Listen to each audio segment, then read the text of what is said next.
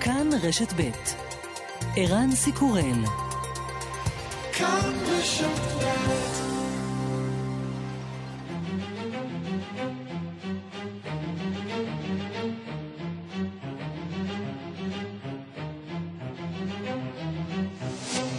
השעה הבינלאומית 11 ביולי 2021 והיום בעולם. מי שולט בהאיטי? שני ראשי ממשלה, הראשון התפטר, השני עדיין לא הושבע, מנסים להוביל את המדינה השסועה ימים אחדים לאחר רצח הנשיא ז'ובנל מואיז. בינתיים רעייתו מרטין מואיז, המאושפזת בבית החולים במיאמי, מודיעה כי תמשיך בעבודתו.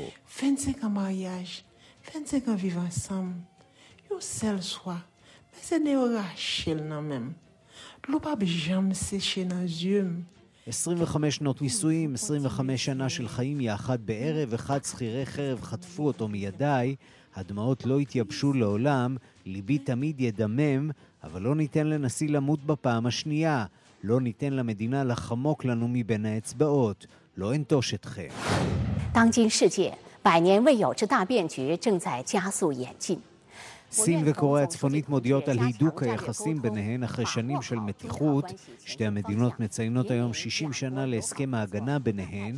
ההצהרה היא עוד צעד סיני שנועד להגדיר מחדש את השפעתה בעולם מול מעצמות יריבות בראשן ארצות הברית.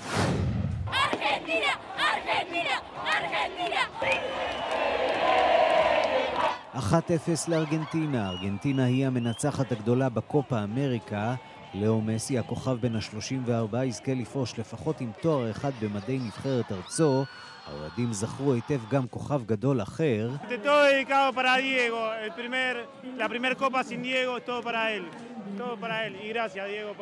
הגביע הזה מוקדש לדייגו מרדונה, אומר מעריץ אחד. תודה לדייגו שנתן לנו כל כך הרבה. הערב גמר היורו 2020 באיצטדיון ומבלי שבלונדון.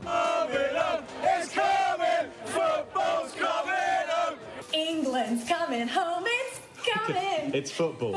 הבריטים חוגגים לא רק משום שהנבחרת האנגלית תתמודד מול האיטלקית, אלא משום שהמשחק הוא גם חגיגה של ניצחון על הקורונה בממלכה המאוחדת, לקראת פתיחה מוחלטת של המשק.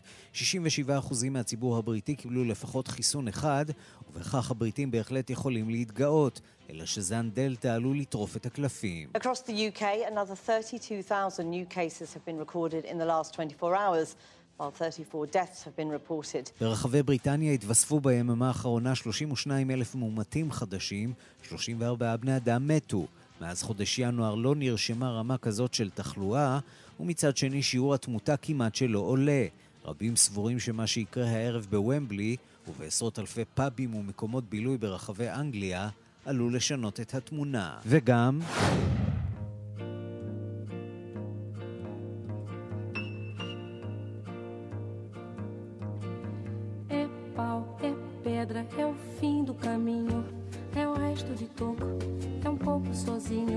זה כבר הפך מנהג קבוע, נשיא ארצות הברית לשעבר ברק אובמה מפרסם גם השנה את הפלייליסט שלו לקיץ הקרוב, הרבה מאוד פופ ומוסיקה שחורה, אבל גם לא מעט יציאות בינלאומיות.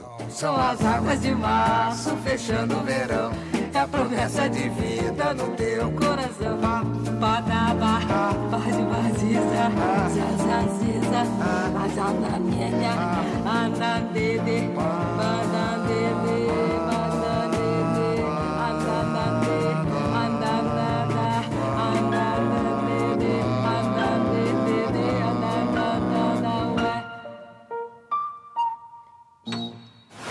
השעה הבינלאומית שעורך זאב שניידר, מפיקה אורית שולץ, בביצוע הטכני חיים זקן ושמעון דוקרקר, אני רנסי קורל, אנחנו מתחילים.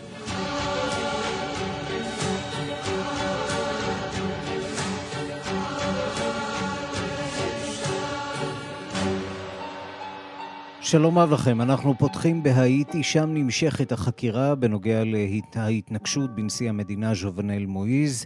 שלום למאיה רכלין, כתבת אה, חדשות החוץ. שלום ערן. את מצטרפת אלינו עם העדכונים על החשודים שנעצרו או נהרגו, וגם עם התבטאות ראשונה של אשתו של הנשיא שנרצח. נכון, אה, אשתו של נשיא האיטי, מרטין מויז, נפצעה קשה אה, כאשר אה, מספר חמושים התנגשו בבעלה בשבוע שעבר. הוא נרצח, היא עדיין מאושפזת בבית החולים, והיום מפורסמת בהאיטי התבטאות ראשונה שלה, הקלטה ובה היא מספרת ומשחזרת את ההתנגשות ומדברת בעצם, פונה לתושבי האיטי. בואו נשמע רגע את הדברים. C'est Martine Moïse qui a parlé avec nous. Moi vivant, grâce mon Dieu.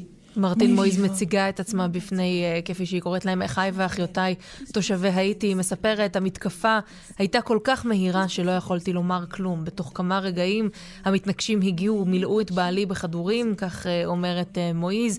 אין למעשה שכזה אפילו שם שאפשר להעניק. חייב להיות פושע ללא גבולות כדי להתנקש ככה בנשיא כמו ז'ובנל מויז, בלי לתת לו אפילו הזדמנות לומר מילה. בהקלטה הזאת מויז בעצם רומזת שבעלה סומן להתנגשות הזאת בגלל סיבות פוליטיות, אה, ובעיקר היא מדגישה את השינויים בחוקה שהוא קידם, שינויים שהעניקו לו, לנשיא, הרבה יותר כוח. מרטין מויס טוענת שהמתנגשים פשוט ניסו לרצוח את חלומו של נשיא האיטי. ערן, גם היום לא ברור מי הם אותם מתנגשים שבעצם אה, פרצו למעונו הפרטי של הנשיא וירו בו ביום רביעי. אה, למרות משטרת... שהיו מעצרים, צריך לומר. כן, משטרת האיטי בעצם טוענת uh, שהמתנגשים היו ברובם מקולומביה ושישנם שני אזרחים בארצות הברית. Uh, הם נעצרו והיו גם ארבעה שנהרגו בקרב יריות עם המשטרה.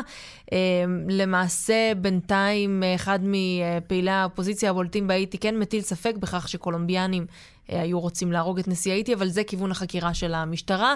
אה, לפי הדיווחים בארצות הברית ובקנדה, אחד מהחשודים שנעצרו הוא תושב פלורידה, בן 35, שעבד לשעבר בתור אה, שומר ראש בשגרירות קנדה בהאיטי. אבל בינתיים, ערן, יש שאלה נוספת שמטרידה את התושבים שם, והיא מי הולך להחזיק את השלטון במדינה שהוא גם ככה מאוד מעורער. אז לפי החוקה, האספה הלאומית של האיטי הייתה אמורה לבחור נשיא חדש, אבל הבחירות לאספה הלאומית שהיו אמורות להתקיים באוקטובר 2019 נדחו, גם בגלל פעולות של מי שהיה אז הנשיא, ז'ובנל מואיז. אז עכשיו יש את ראש הממשלה הזמני של האיטי, קלוד ג'וזף, שמחליף את מקומו של מואיז, אבל קלוד ג'וזף היה אמור לסיים את הקדנציה שלו. ומי שהיה אמור להחליף את קלוד ג'וזף טוען שעכשיו הוא צריך להיות ממלא מקומו של הנשיא. אז כבר אנחנו יכולים לראות שההתנגשות הזאת, אה, לא רק שהיא לא עוזרת uh, להרגיע את הרוחות בהאיטי, אלא למעשה מכניסה את המדינה למשבר פוליטי וחוקתי עמוק הרבה יותר מזה שהייתה בו עד עכשיו, ערן. מאיה רכלין, תודה. תודה רבה. ושלום לדוקטור נירית בן ארי. שלום, צהריים טובים. אה, דוקטור למדעי המדינה ועיתונאית לשעבר אה, בהארץ. הסיפור הזה שם רק הולך ומסתבך. איך הגיעו לוואקום חוקתי כל כך עמוק למצב שבו הנשיא נרצח ובעצם לא יודעים מי הוא מחליפו. אז זהו, אני חושבת שבאמת צריך להבין את מה שקורה עכשיו בהאיטי אה, כחלק, אה, צריך להבין את זה בתוך התמונה ההיסטורית המאוד מאוד גדולה. הרבה אנשים, אה, אני חושבת, אה, הרבה מאזינים פה בישראל, מן הסתם חושבים על האיטי אה, כחלק, כמדינה שדומה למדינות אפריקה, אה, למרות שהיא לא נמצאת כמובן באפריקה, היא נמצאת באיים הקריביים, אבל שהיא דומה למדינות אפריקה ול, ולמדינות השכנות באיים הקריביים, שהוקמו בגל של הדקולוניזציה אחרי מלחמת העולם השנייה, אחרי שהמושבות הקוד, הקודמות ששלטו בהם, אנגליה וצרפת אה, וכולי, עזבו אותם והם הוקמו וקיימות 30, 40, 50, 60 שנה, דמוקרטיות חדשות עם, עם כל... השפה הצרפתית, לא... קריאולית, מרמזת אה, שיש כאן היסטוריה אחרת והאיטי מדינה שונה לחלוטין. שונה לחלוטין, למעשה מקרה ייחודי בעולם כולו. האיטי אה, למעשה היא המדינה השנייה העצמאית בחלק הכדור המערבי אחרי ארצות הברית. הברית הוקמה ב-1776, כמו שאנחנו יודעים, נכון, למעלה מ-200 שנה של, של עצמאות. האיטי הכריזה על העצמאות שלה ועל הריבונות שלה ב-1804. היא הייתה המדינה השנייה העצמאית בחלק הכדור המערבי, והיא מתגאה בתואר של המדינה הרפובליקה השחורה הראשונה בעולם, לפני שמדינות אפריקה המודרניות שאנחנו מכירות אותן הפכו להיות מדינות עצמאיות.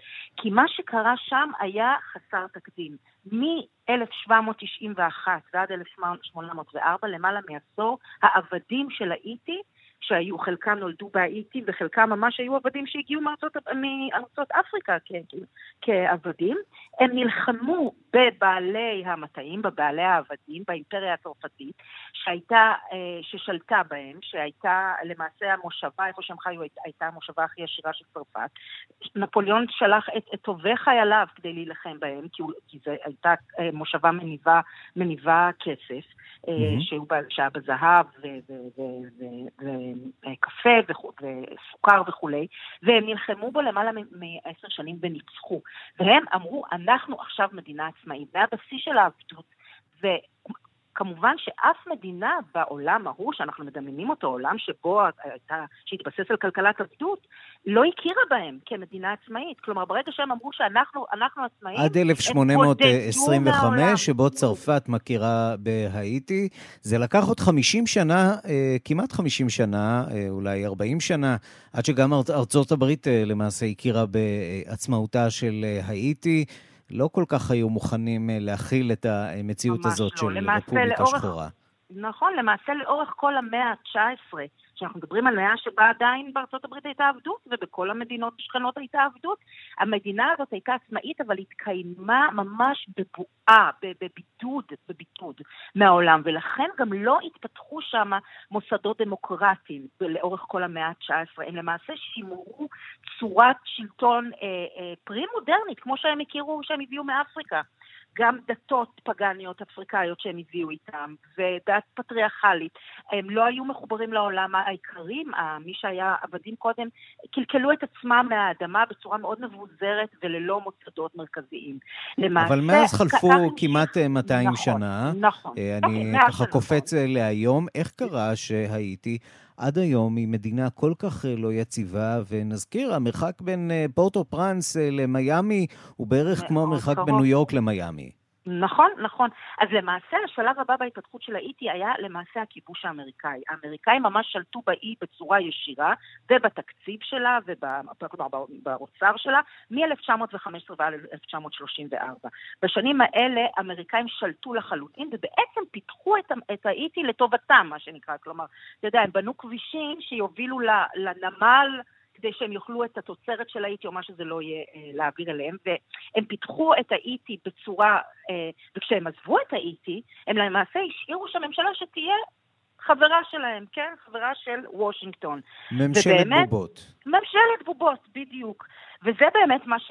אה, זה היה המצב בהאיטי מ-1934 עד סוף שנות ה-50. ממשלת בובות שהייתה לחלוטין ידידותית לארצות הברית. גם בקובה זה היה באותם שנים, שהוא mm-hmm. האיש שלידם, ואנחנו כולנו יודעים מה קרה בקובה לקראת סוף שנות ה-50, כשהממשל התהפך ופתאום הפך להיות עוין לארצות הברית. ואז קרה דבר דומה אבל שונה בהאיטי. גם בהאיטי הייתה התעוררות בשנות ה-50, שבעצם אה, אה, הגיעה מין התעוררות לאומית, עם גאווה לאומית, יש לנו היסטוריה מפוארת, אנחנו היינו הרפובליקה השחורה הראשונה, אנחנו נחזיר עטרה ליושנה, אנחנו נבטל את הצרפתית ונדבר קריאולית, נבטל את הנצרות והדת הרשמית שלנו תהיה וודו, וכל הצעדים הפופוליסטיים האלה נעשו מתוך אמונה שכזאת, אבל השלטון הפך, אה, האליטה שהשתלטה על השלטון, הייתה אליטה שלמעשה נבנתה על ידי ארצות הברית כבר קודם. ומי ש... והאליטה הזאת היא במידה רבה שולטת אה, עד עצם היום הזה. האליטה. שארצות הברית טיפחה בהחלט ממחצית המאה ועד היום היא השולטת, והיריבות החזקה היא בין האליטות האלה אה, לבין ההמונים שהם עניים, אה, איכרים עניים בכל רחבי, בכל רחבי האי. ש... והאלי... והיריבות ביניהם היא למעשה זאת ש... שמונעת איזשהו, פ... איזשהו פיתוח. במשך למעלה מ-30 שנה שלט... של... היה שם שלטון רודני. פאפה דוק היה האבא, הבייבי דוק, הבן, שניהם התחנכו ורכשו השכלה בארצות הברית וחז... וחזרו להאיטי, והשליטו את השלטון שלהם באמת בצורה מאוד... וצריך להגיד, היו מאוד... גם לא מעט התנגשויות אה, פוליטיות. נכון, אה, כל הזמן. ש... בגלל זה. Mm-hmm. כן? כשהדרמטית שבהן היא אה, זו שאנחנו עדים לה בימים האחרונים, הרצח אוקיי. של הנשיא ז'ובנל מואיז, שמשאיר את אה, האיטי במצב אה, מאוד מאוד קשה. זה, מה... זה בשרשרת של, בדיוק, זה שרשרת של, זה לא פעם ראשונה, הרציחות הפוליטיות, הכאוס הפוליטי, ההפיכות הצבאיות, זה דברים אנחנו כבר יכולים להגיד, או להעריך, מי עומד מאחורי ניסיון, למעשה, ההתנגשות אני הזו? אני קוראת כמוך את הידיעות מכאן, ואני מבינה שעדיין לא יודעים, שחלקם אומרים הם דיברו צרפתית, הם, סליחה, הם דיברו אנגלית, הם דיברו ספרדית, זה לא ידוע. אבל כן ראוי להזכיר שהיה ניסיון דמוקרטי בהאיטי בתחילת שנות ה-90. וזה היה עוד רגע חשוב בהיסטוריה של האיטי, כשלמעשה תנועה פופוליסטית, דמוקרטית מאוד מאוד חזקה, עלתה לשלטון עם למעלה מ-90% מהקולות, זה היה הבחירות הדמוקרטיות הראשונות. בהאיטי בשנת 1990, שבהם עלה, הפך להיות נשיא Comer שהגיע מעניי העם, שאגב גם אה, רכש את ההשכלה, אה, למד כמורה בירושלים. ז'אן ברטרן אריסטריד, אריסטיד, הוא היה חלק מתנועה של כמרים בכל אמריקה המרכזית ובאיים הקריביים. הוא גם סיים את דרכו עם... כדרכם של אה, רודנים בהאיטי. אה, לא, לא לחלוטין, לא לחלוטין. הוא עלה לשלטון, הוא, הוא עלה לשלטון בצורה דמוקרטית. שבעה חודשים אחר כך הוא נפל אה, בהפיכה צבאית, צבאית, וכארבע שנים הוא, לא, הוא, הוא, הוא, הוא היה בגלות ברובה בארצות הברית, ו, ובחלק מהזמן גם בגלות באפריקה. בסופו של דבר, ארצות הברית במבצע צבאי החזירה אותו לשלטון עם באיזשהו חוזה בינו לבינם, כדי שהוא בכל זאת כן באיזושהי דרך יבצע את המדיניות המועדפת על ארצות הברית. ומאז למעשה, אנחנו מדברים מאמצע שנות ה-90 ועד היום, המצב הזה של כאוס פוליטי, של אי-יציבות, לא, לא ממש השתנה. יש ועוד לא הזכרנו כמו... אפילו את רעידת האדמה. לסיום, כי זמננו אה, באמת כן. תם, מה הולך לקרות עכשיו? אני, קשה לי לצפות את העתיד. הכאוס הפוליטי לא הולך להיגמר. אל תשכח גם שהייתי עדיין 11 שנה אחרי, לא השתקמה מהרעידת אדמה. אה, וממגפת החולרה שהגיעה מיד אחריה. והייתי אחת מהמדינות הבודדות בעולם כיום שלא הגיע אליהן אפילו חיסון קורונה אחד. כלומר, זאת באמת מדינה יוצאת דופן בכאוס המוחלט הפוליטי ש, שקיים בה, ואני חושבת שאף אחד לא יכול באמת אה, לצפות מה, מה יקרה שם. דוקטור נירית בן ארי, תודה רבה לך. תודה לך. להתראות.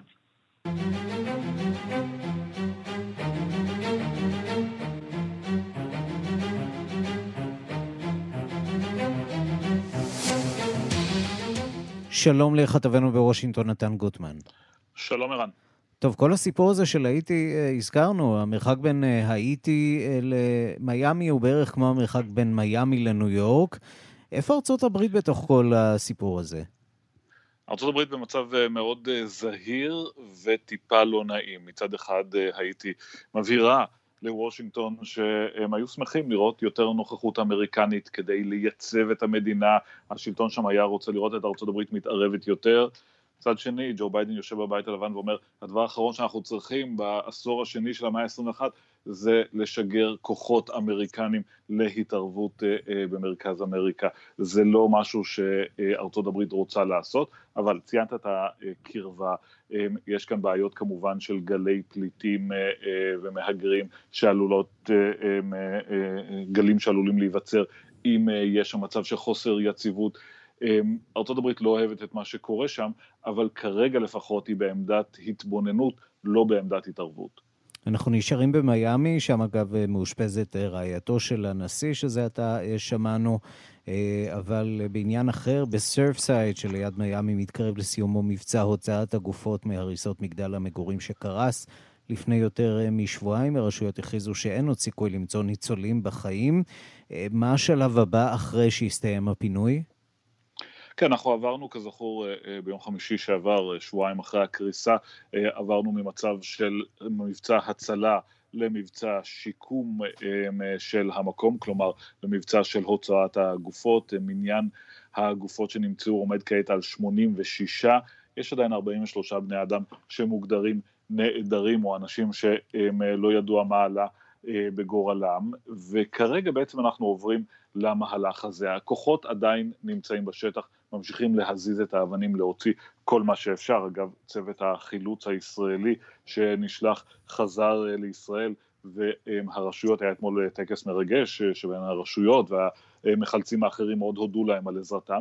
עכשיו ממשיכים, הם נמצאים כרגע בשלב שבו כמעט והגיעו לרמת קומת הקרקע מבחינת השברים שהורידו והדברים שהוציאו אה, משם. אחד הדברים המרכזיים שצריך לעשות עכשיו זה לברר כמה באמת גופות יש עדיין בתוך ההריסות, כמה אנשים מהנעדרים האלה באמת נעדרים, יש אי בהירות בנושא הזה. מניין הנעדרים, אותו 40 איש שעדיין לא ברור מה עלה בגורלם, זה רשימה שמתבססת גם על רשימות של הדיירים שאמורים להיות בתוך הבניין, גם על אנשים שדיווחו על קרובים שלהם שהם חושבים שהיו שם והם לא יודעים איפה הם, לא בהכרח מדובר במספר קשיח ולכן רוצים לעבור על כל הערימה הזאת לוודא מה נמצא שם, יש הליך ארוך של זיהוי הגופות ויש עוד דבר שעדיין לא קרה, המשפחות עדיין לא קיבלו את ה closure שלהם, את הסגר שלהם, לא היה טקס קבורה, לא היה טקס אה, זיכרון באיזשהו שלב צריך גם לעצור ולעשות את זה, ואחר כך השלב הבא הוא כמובן החקירה והבירור למה זה קרה, והאם יש חשש שזה הולך לקרות לעוד מבנים אחרים שם בסביבה הכל כך לא יציבה הזאת. נתן גוטמן, כתבנו בוושינגטון, תודה. תודה רבה. השעה הבינלאומית, קורונה בעולם, כבר יותר מארבעה מיליון בני אדם מתו לאחר שנדבקו בקורונה ברחבי העולם. הקורונה מרימה ראשה במזרח ובדרום אסיה. המתעמלים באולימפיאדה מגיבים להחלטה לאסור כניסת קהל, ויש חשש מהתפרצות משמעותית בבריטניה ובאיטליה לאחר גמר האירו שהתקיים הערב. שלום לקשב תחום החוץ בן יניב. כן, שלום ערן.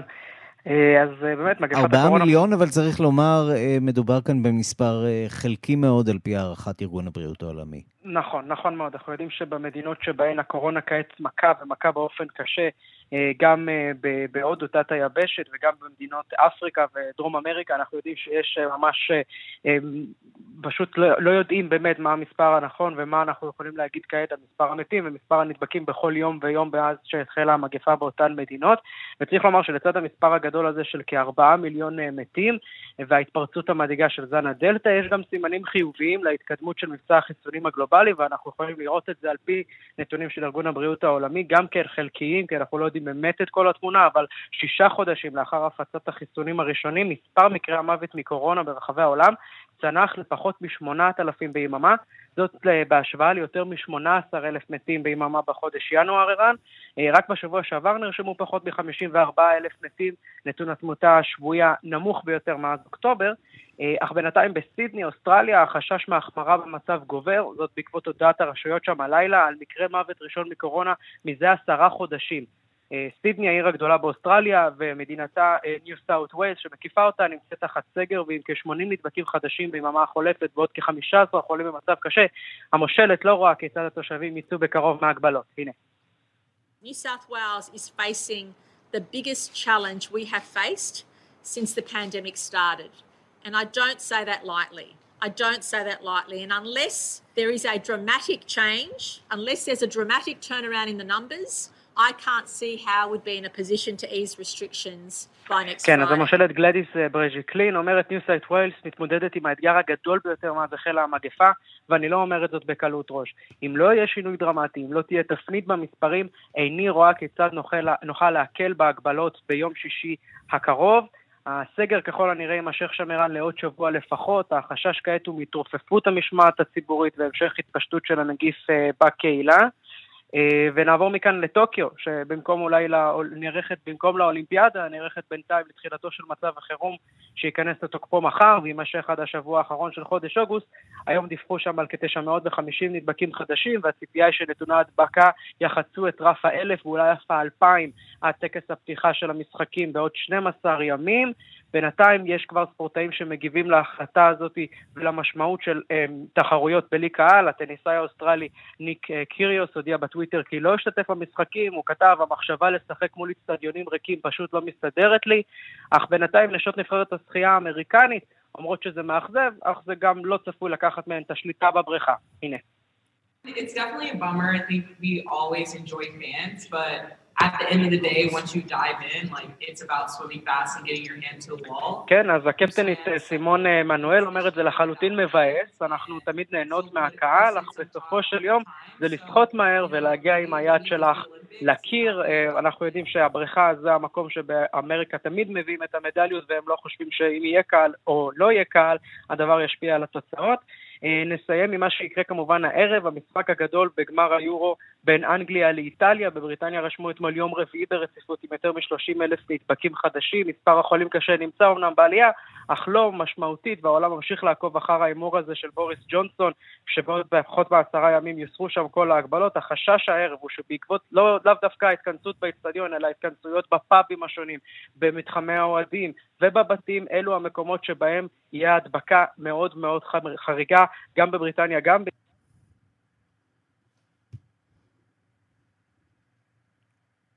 בן יניב, האם אתה כן. על קו השידור? שומע אותי, ערן? עכשיו אני שומע אותך, כן.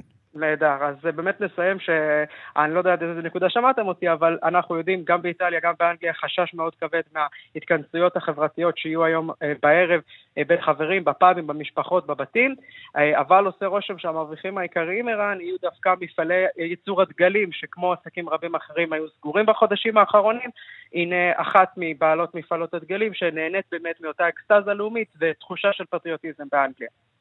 We've seen a massive demand, um, far more than usual. I think that people just need something to celebrate. Even people that don't like football. כן, אז מנדי אומרת, אנחנו רואים ביקוש עצום, הרבה מעבר לרגיל. אני חושבת שאנשים צריכים רק טיפה לחגוג. אפילו אנשים שלא אוהבים כדורגל תולים כעת גלים בחצר ביתם ותומכים במדינה. אנחנו נחכה ונראה אולי בשבועיים הקרובים את התוצאות של אותו גמר יורו. לכאן ולכאן, מה תהיה התוצאה, אנחנו לא יודעים מי ייקח, אבל הקורונה כנראה, כנראה תנצח. בן יניב, תודה. תודה, ערן. אם וריאנט דלתא לא יצר מספיק חוסר ודאות בעולם, הרי שעכשיו סיפור שמגיע מבלגיה מפתיע את קהילת החוקרים הבינלאומית. אישה בת 90 מתה אחרי שנדבקה לא בווריאנט אחד, אלא בשניים. שלום לאנטוניה ימין, כתבתנו באירופה. שלום, ערן. את מצטרפת אלינו עם הפרטים על הסיפור הלא ממש מעודד הזה. נכון מאוד, ערן. זה בעצם, אה, זה קורה בחודש מרס, אבל מתפרסם רק כעת. אישה בלגית בת 90 שלא התחסנה, הצליחה להידבק בשני וריאנטים שונים בו זמנית, גם בווריאנט אלפא, שידוע גם בכינויו הווריאנט הבריטי, וגם בווריאנט בטא, ידוע בכינויו הווריאנט הדרום אפריקני. מדובר באישה שגרה בבית אבות, אה, לא הייתה מחוסנת כאמור, רופאי החושדים כי היא נדבקה משני אנשים שונים, בזמנו היא הגיעה לבית החולים ומתה חמישה ימים אחרי שאושפזה. התופעה אומנם נדירה, אך לא מדובר במקרה יחיד. בינואר חוקרים מברזיל דיווחו על שני בני אדם שנדבקו בשני סוגים של קורונה, וגם בפורטוגל דווח לאחרונה כי נערה בת 17 הצליחה להידבק בסוג אחד של קורונה, ממש בזמן שהיא עדיין מחלימה מהסוג השני. בינתיים, ערן, אירופה ממשיכה במרוץ ההתחסנות שלה ומנסה להדביק את הפער. אלה דברים שאמרה נשיאת הנציבות האירופית אורסולה פונדרליין אתמול. The European Union has kept its word.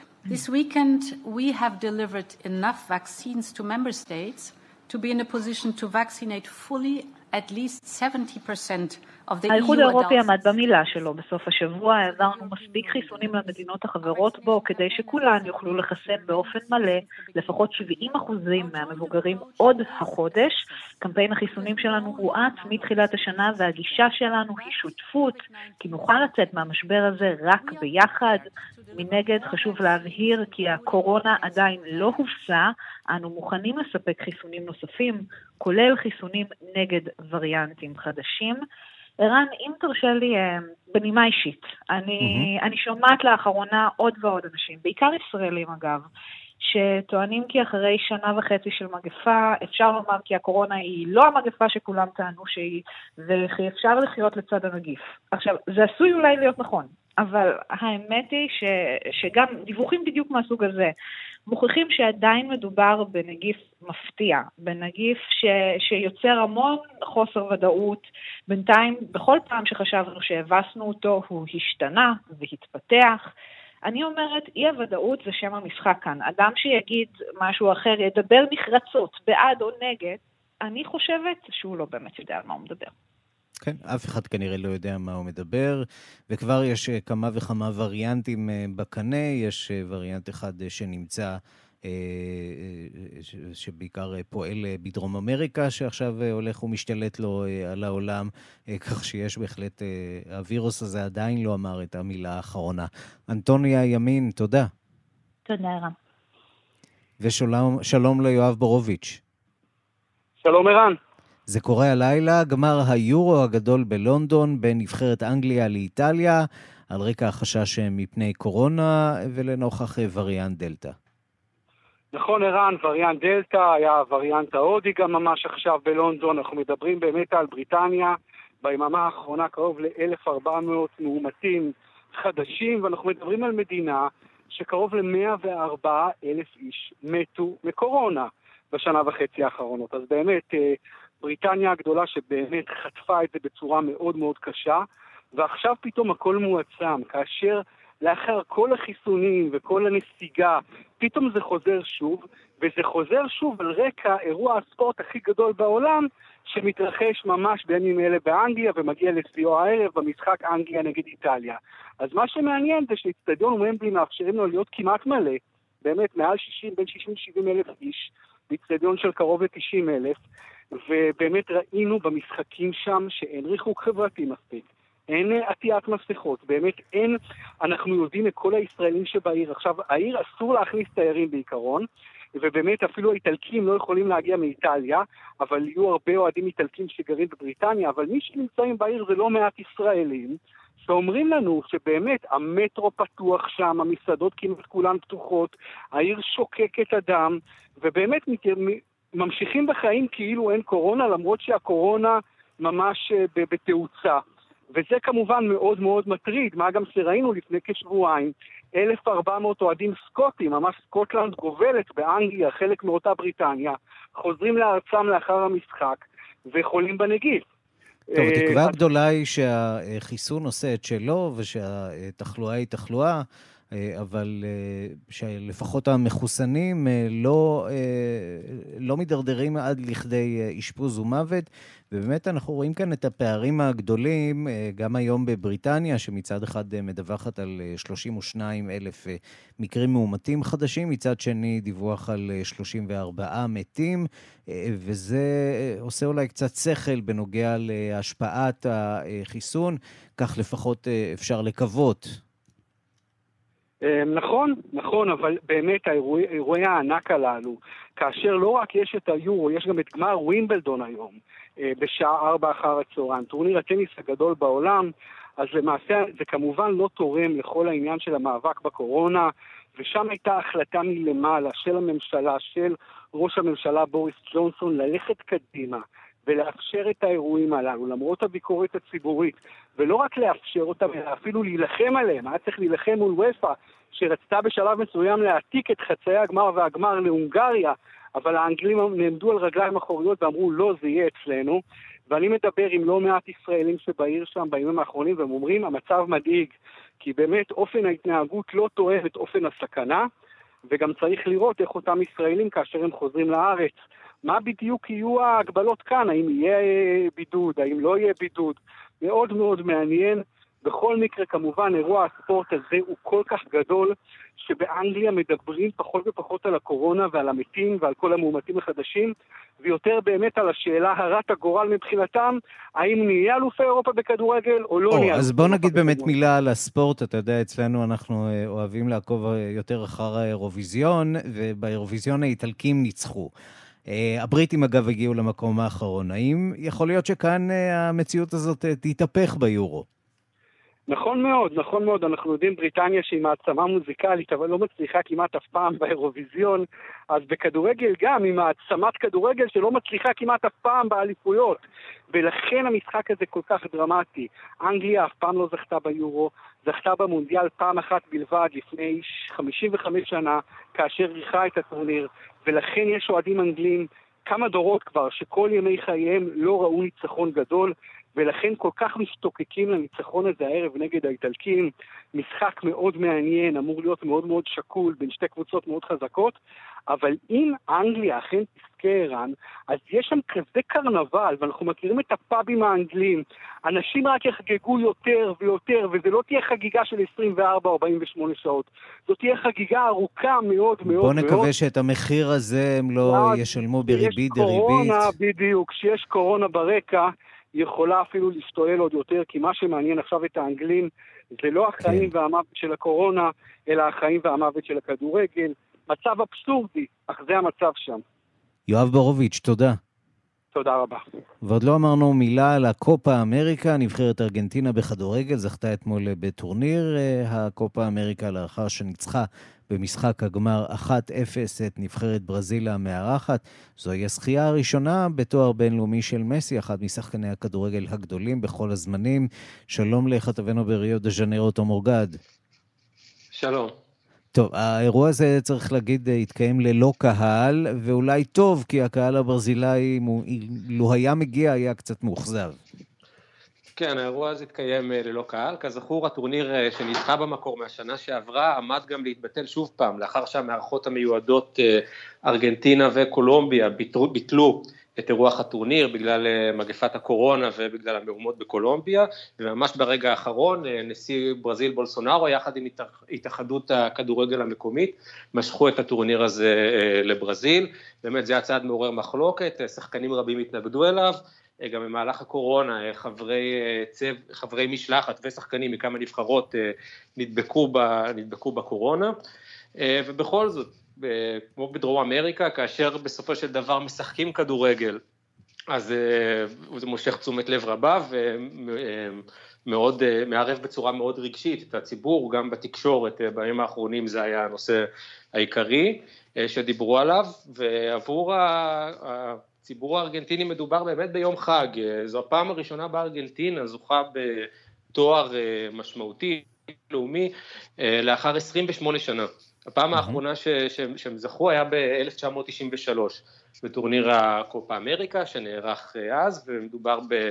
באמת במעמד אה, מאוד מרגש עבור הארגנטינים, כאשר הם עוד זוכים על אדמת ברזיל, כאשר מנצחים באיצטדיון המרקנה האגדי בהיו דה ז'נרו את נבחרת ברזיל בגמר, יריבתם המושבעת, אז באמת השמחה היא כפולה, כפולה ומכופלת. אה, מדובר כאמור גם בתואר הראשון בקריירה של לאו מסי, שנחשב שחקן כדורגל אחד הגדולים בכל הזמנים, אולי אפילו הגדול ביותר לדעת אחדים. אה, שהקריירה הבינלאומית שלו הייתה רצופה אה, כישלונות במדעי נבחרת ארגנטינה וסוף סוף הצליח לזכות אה, בתואר משמעותי.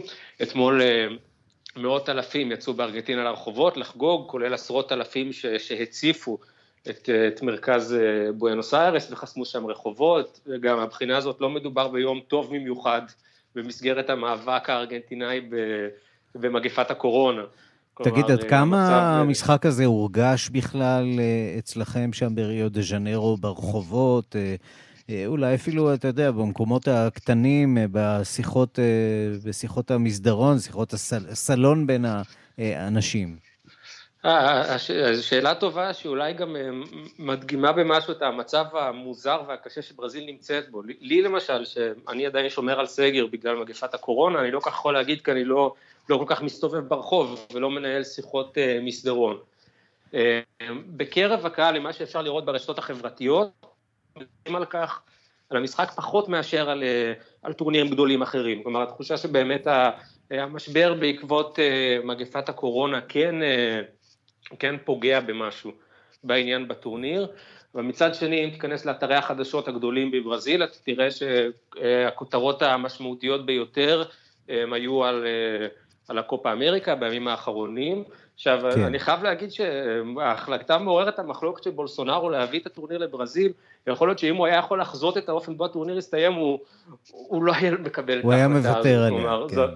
כן, כי הייתה כאן כוונה לערוך איזשהו מבחן, אה, מפגן כוח עבור ברזיל כדי להעלות את המורל של העם הברזילאי, זה גם מבוסס על ההיסטוריה. עד, עד היום אה, נבחרת ברזיל זכתה בכל טורנירי הקופה אמריקה שנערכו על אדמתה. כלומר, היא הייתה הפיבוריטית הברורה. אין ספק שנה גרועה מאוד אה, לברזיל. תום אורגד, כתבנו בריו דה ז'נרו, תודה. תודה רבה. השעה הבינלאומית ניצחון מוחץ למפלגתו של ראש ממשלת אתיופיה אבי אחמד בבחירות לפרלמנט. המפלגה השלטת זכתה ב-410 מושבים מתוך 436, אולי לא מפתיע בהתחשב בעובדה שחלק מן המחוזות לא השתתפו בבחירות, וכך מובטח לאבי אחמד להמשיך בתפקידו כראש הממשלה. דיווחה של עורכת ענייני אפריקה, רינה בסיסט. תוצאות הבחירות שנערכו באתיופיה ב-21 ביוני התפרסמו אתמול. עבור האתיופים לא הייתה כאן הפתעה. מפלגתו של ראש הממשלה המכהן אבי אחמד ניצחה בגדול. וכמו השיטה הפרלמנטרית בישראל, מי שמחזיק את הרוב בפרלמנט הוא זה שמנהיג את המדינה. התוצאות עצמן היו כאמור צפויות, אבל לא כולם מקבלים אותן בברכה. עוד בזמן מערכת הבחירות, מרבית מנהיגי האופוזיציה קראו להחרים אותן. סיבה ראשונה לקריאה להחרים הייתה החלטת הממשלה שלא לקיים בחירות בחמישית מהאזורים במדינה. הממשלה טענה כי המצב הביטחוני, בעיקר באזור טיגריי, שבו מתחוללת מלחמה פנימית, לא מאפשר עריכה מסודרת ובטוחה של בחירות. הסיבה השנייה לקריאה להחרים את הבחירות הייתה ראש הממשלה עצמו, כלומר הטענות נגדו אישית על דיכוי של מתנגדים ופעילי אופוזיציה. אבי אחמד לא התרשם מהטענות הללו וקיים את הבחירות בתאריך שנקבע, או יותר נכון, בתאריך השלישי שנקבע, אחרי שתי דחיות בגלל הקורונה בשנה האחרונה. מפלגות האופוזיציה הגישו בינתיים עשרות ערעורים על אי סדרים בקלפיות, אבל לא בטוח שזה יעזור להם. אבי אחמד מתכוון לקיים בחודש ספטמבר בחירות נוספות באותם האזורים שלא השתתפו בבחירות בחודש יוני. הוא צופה להקים את הממשלה החדשה שלו בחודש אוקטובר הקרוב. התחושות באופוזיציה קשות מאוד. המלחמה באזור טיגרי נמשכת. דוחות בשבועות האחרונים משקפים מצב הומניטרי קשה. אלפי בני אדם נמצאים על סף רעב, כך טוענות סוכנויות הסיוע. מאות אלפים נעקרו מבתיהם. ביום שישי אמרו אנשי האו"ם כי סוכנויות הסיוע מתקשות לסייע. בגלל בעיות של תקשורת באזור טיגרי ובגלל מחסור בדלק וחשמל שם. אתמול, אחרי הפסקה של שבועיים, הצליחו סוכנויות הסיוע להעביר כמויות מסוימות של מזון לאזור, אבל הצרכים שם עדיין עצומים, והחששות መሩቢ መኦድ የትግራይ ሁኔታ በጣም እያሳሰበኝ ነው። ሁለት ወንድሞች አሉኝ እዛ አካባቢ ላይ ያሉ ማለት ነው እና ስለ እነሱ አይደለም ማስበው፣ ስለ ሙሉ ከተማውና ሀገሩ ነው ማስበው። ምክንያቱም ህጻናት ልጆች ትምህርታቸውን በአግባቡ አይማሩ። קשה לי מאוד עם המצב בטיגריי. שני אחים שלי נמצאים שם. אני מודאג לא רק עבורם, אלא עבור כל האזור. כי הילדים שם לא יכולים ללכת לבתי הספר כמו שצריך. אמהות לא יכולות לחיות את חייהן באופן נורמלי. אבות לא יכולים לחיות כפי שהם רוצים. מבחינתי, זה מה שאבי אחמד צריך לעבוד עליו. כך אמר אתמול אזרח אתיופי. מבחינתו, כמו גם מבחינתם של אלפי אזרחים אחרים, המדינה שלו נמצאת באחד הרגעים הקשים ביותר שלה אי פעם. כאן רינה בסיסט.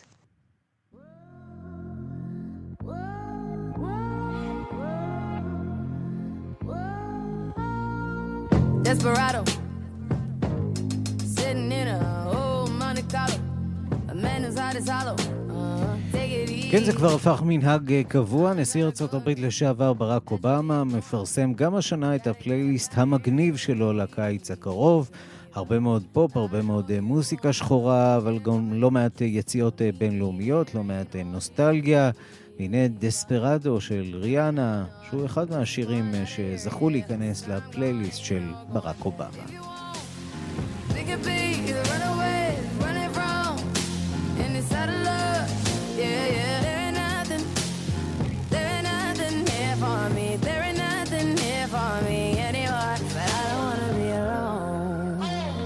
ועם ריאנה אנחנו חותמים עוד מהדורה של השעה הבינלאומית שערך זאב שניידר, המפיקה אורית שולץ, הטכנאים חיים זקן ושמעון דוקרקר, אני רנסי קורל, מיד אחרינו רגעי קסם עם גדי לבנה, להתראות.